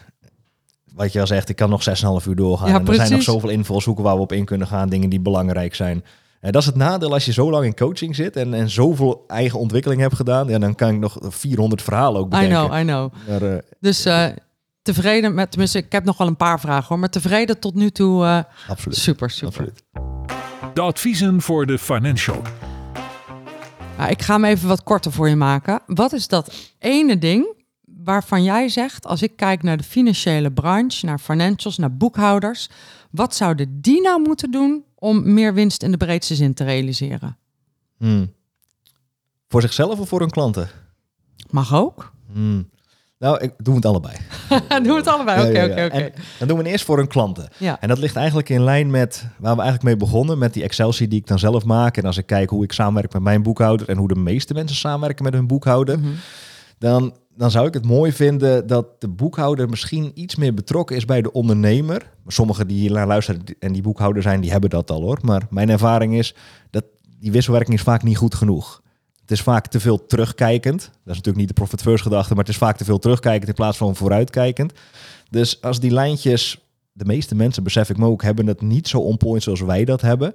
Ehm, dus daar meer bij helpen, daar meer bewustwording in creëren. Dus dan bijvoorbeeld dat er elke maand of elke drie maanden whatever ingecheckt wordt, vooruit wordt gekeken. Niet als soort van coach, een boekhouder moet niet een coach worden, maar dat zal zoveel ellende besparen. Dus eigenlijk zeg je dat die boekhouder de ondernemer veel meer meeneemt in die cijfers. En dan niet eens Ja. per jaar, maar iedere maand. Van wat zien we hier nu? Ja, Ja, ik, Ja. ik denk ook weer als je het hebt over bewustwording, Ja. een soort van rode draad in ons gesprek. Het gaat om bewustwording, Mhm. want dan kan je correcties maken. Dan heb je ook awareness and choice. Dat is een gouden uitspraak in coaching. ja, Eh, het begint met awareness, bewustwording. En daarna heb je dus de keuze om iets anders te doen. Ja. En, en ik heb nu een één op één cliënt en die is een beetje soort van genaaid door zijn boekhouder de afgelopen jaren. Eh, die zit er echt, nou, die gaat nu naar een nieuw boekhouder, maar die moet iets van, nou, die moest gisteren dan 98k terug overmaken of zo. En dat gaat om echt grote getallen, waar die niet heel vrolijk van wordt. En dat had allemaal voorkomen kunnen worden als er gewoon kortere lijntjes waren, beter inzicht, betere communicatie. Ja. En ik zie dat, en dit is een extreem voorbeeld, maar Ja. ik zie daar vaak misgaan. Nou ja, wat, wat ik hier in dit voorbeeld hoor, is eigenlijk even heel zwart-wit. Het onderscheid tussen de, de boekhouder die zegt: Ja, dit zijn de feiten, het is 98k, kan ik ook niet helpen. Versus de boekhouder die zich realiseert dat hij die 98k wellicht niet kan helpen. Maar wel het moment waarop die 98k bekend wordt, eh, de gesprekken eromheen, de manier om het misschien te voorkomen, om het voor te zijn, om het te reserveren, om het te managen. Dus there's so much more to it dan alleen maar, ja, kan ik ook niet helpen dat je 98k moet. Het is niet, is niet mijn business, jouw business. Dus Ja. een beetje dat hoor ik je ook zeggen. Neem de ondernemer nou mee. Heb het nou vaker over die cijfers. Zorg nou dat dat bewustzijn er is, zodat die keuze er kan zijn. Exact dat, want wij zijn zelf, een leuk voorbeeld, laat me misschien wel slecht uitzien, maar, maar wij zijn een paar jaar geleden overgestapt van een VOF naar een BV. Mhm. Nou ja, en een VOF is vrij eenvoudig en dan een BV, dan heb je in één keer eh, duizend soorten belastingen en alles. En ik had dat niet helemaal scherp, maar ik heb altijd genoeg gereserveerd, dus dat is niet een probleem. En toen kwam Esther in één keer, hey, heb je er erg in? Er komt nog dividendbelasting, er komt nog dit, er komt nog dat.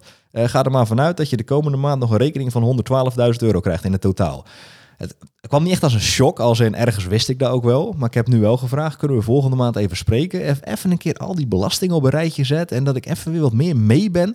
Ik vind het niet het leukste, maar het- ik, ik wil er wel weer meer in mee zijn. Ja, En, en nu ik me dit hoor vertellen, denk ik, heel veel mensen ja. die gewoon aan het ondernemen zijn, die vinden dit niet het leukste onderdeel. Maar ook, het is, dan merk ik zelf ook, het is wel belangrijk om in ieder geval te snappen wat de spelregels zijn. En wat hier zo belangrijk in is, is dat die boekhouder zich realiseert dat hij expert is. En als je op het moment dat je expert wordt ergens in, is het gat tussen jou en je klant sowieso enorm groot. Ja. En eh, ja, ik weet nog het moment dat ik overstapte naar een eh, BV, en dat is nu vijf jaar geleden. En dat ik meteen de eerste maand een boete had. Ehm, ehm, en dan ga je ook heel hard lachen van hoe kan, hoe kan dat nou, Femke? Maar ja, hey, ik ben ook gewoon een ondernemer. Wat had ik nou niet gedaan? Ik had de loonbelasting niet betaald. Wist ik veel? Ja, dat hing ergens in een portaal, hing er ergens een aanslag en die moest ik kennelijk betalen. Maar voor de BTW krijg je gewoon keurig een briefje dat je iets Ja. moet betalen. Maar voor de loonbelasting is dat andersom. Toen had ik dus in mijn allereerste maand als BV een boete te pakken. dat vond ik echt gênant. En wat dat dus ook is, is mijn accountant, die, die weet dat natuurlijk wel. Maar die vindt het zo logisch. Net zo logisch als dat je, als je wil eten, moet je boodschappen doen. Dat is ook heel logisch. Ja. Die vond dat zo logisch. Die dacht natuurlijk ook, dat weet Femke wel. Maar ja, we zijn, als je expert bent, moet je, er zit er een enorm gat tussen wat jij weet en wat je klant weet. En daar zie je weer communicatie. Communicatie, precies. Dan is het cirkeltje rond. Je had er twee, zei je, klanten en voor zichzelf. Dus deze was voor de klanten. Ja, voor zichzelf. En dan zou ik niet zo zeggen winst om geld, want daar hebben ze vaak al verstand genoeg van. In ieder geval hoe het werkt. Ja. Echt winst te genereren is dan weer wat anders. Maar dan wil ik weer naar, meer naar die 8,5 op ieder vlak. Mhm, ja. Want een boekhouder is ook gewoon een mens en die heeft ook gewoon een onderneming en die heeft iets waar die goed in is en dat is geld over het algemeen. Of een boekhouder, een financial, als we het iets breder trekken. Ja. Alleen, dat wil niet zeggen dat ze hun eigen gezondheid on point hebben. Dat wil niet zeggen dat ze hun eigen relaties on point hebben. Het wil überhaupt niet zeggen dat ze business snappen. Dus wat heel belangrijk is, dat gaat eigenlijk terug naar deel 1 van mijn boek, waar we uitvoerig over hebben gesproken. Veel meer in contact komen te staan met zichzelf. Dus veel meer eh, die stem gaan opmerken en gaan inchecken wie ze nu eigenlijk in de kern zijn. En waarom ik dit zeg, ik heb best wel veel te maken gehad en nog steeds de afgelopen jaren met financieel professionals. In mijn optiek zijn dat vaak te wat. Ik ben niet zo van die kleurenschema's, maar je hebt blauw, rood, geel en groen. En dat zijn vaak de wat blauwe, meer analytische personen.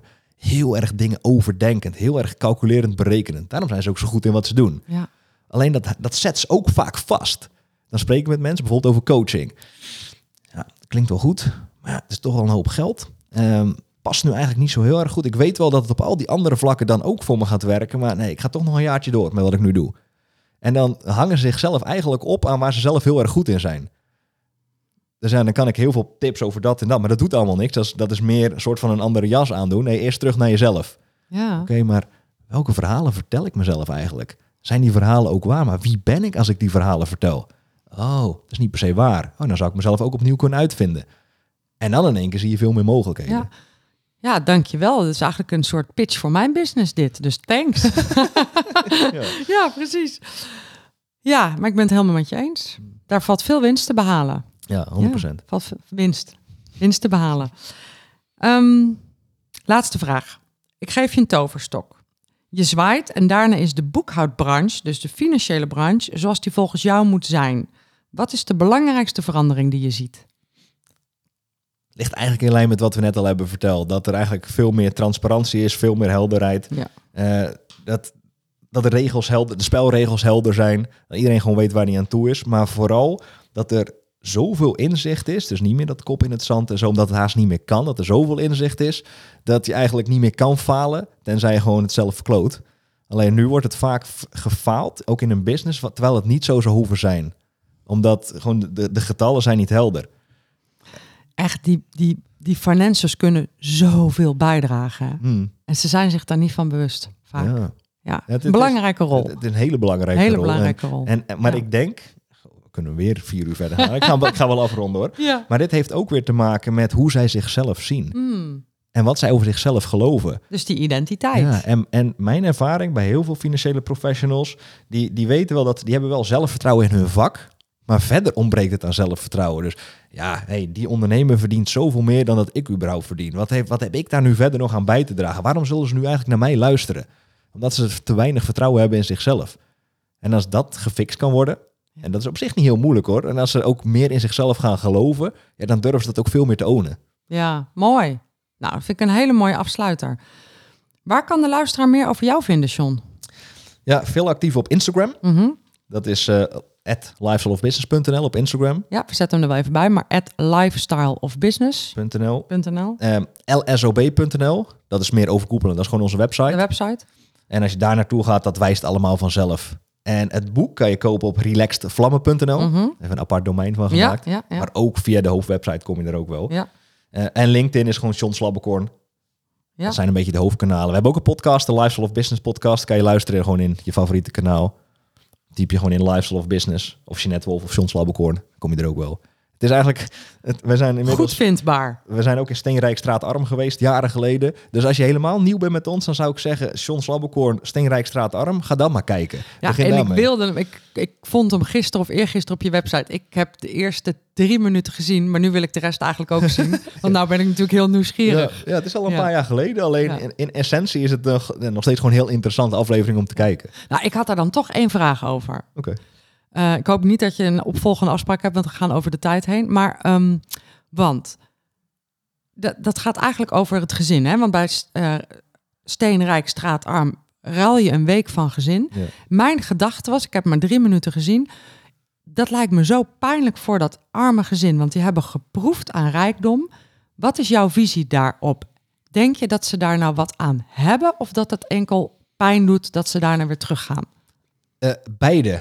Maar het ligt heel erg aan nou ja, hoe ze daarna nog begeleid worden en hoe ze daarna erin staan. Sommige mensen is het, wordt het inderdaad een heel pijnlijk verhaal. Thermometer, thermostaat verhaal waar we het over Ja, hebben gehad. we hebben het een weekje lekker warm gehad en dan gaan we weer in een vrieskou huis zitten. Ja. Sommige mensen, dat was ook wel bij ons gezin, we hebben nu geen contact meer, maar in het begin nog wel. Die hebben dat echt wel een beetje als katalysator gebruikt. Van hé, hey, er is ook wel veel meer mogelijk.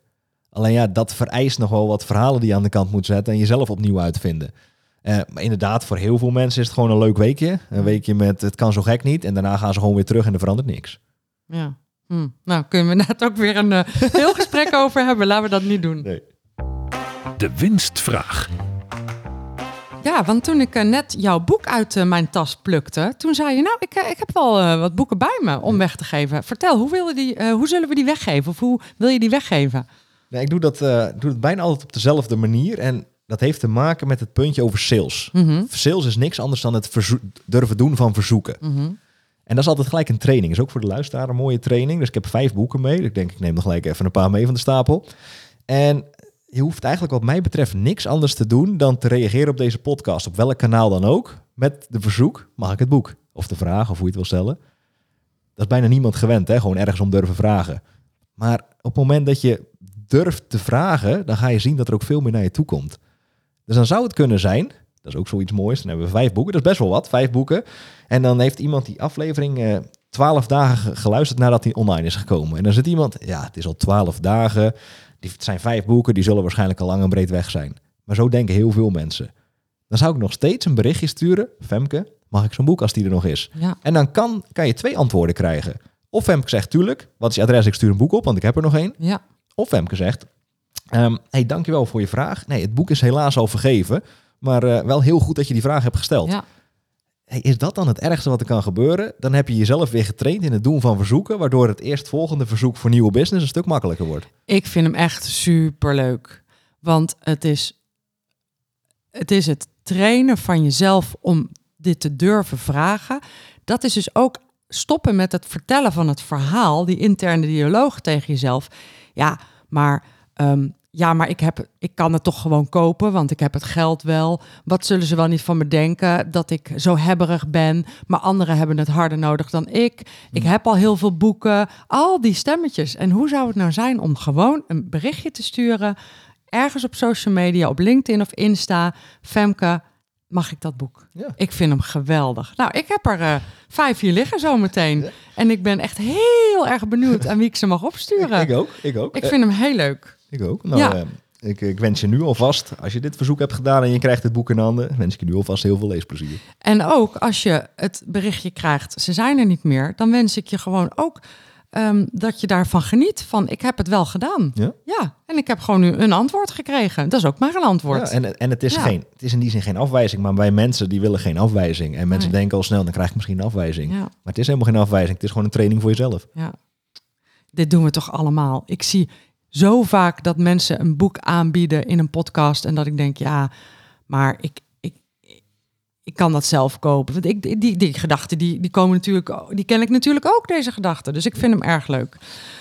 Dank je wel voor eh, je super uitgebreide ehm, tips en je verhaal en al je voorbeelden en al je inzichten en al je strategieën. Ik vond het echt super om met je te praten. Dank je wel. Ja, ik vond het ook leuk om er te zijn. Nou, dank. Je luisterde naar de Win-Winst podcast, de podcast over geld, mindset en ondernemerschap. En vond je dit nou ook een interessante aflevering? Stuur dan een linkje naar deze aflevering door. Dat kan vaak gewoon via WhatsApp of zo aan iemand die hem wat jou betreft zeker ook moet horen. En dan zie ik je heel graag volgende week woensdag op woensdag Win-Winsdag.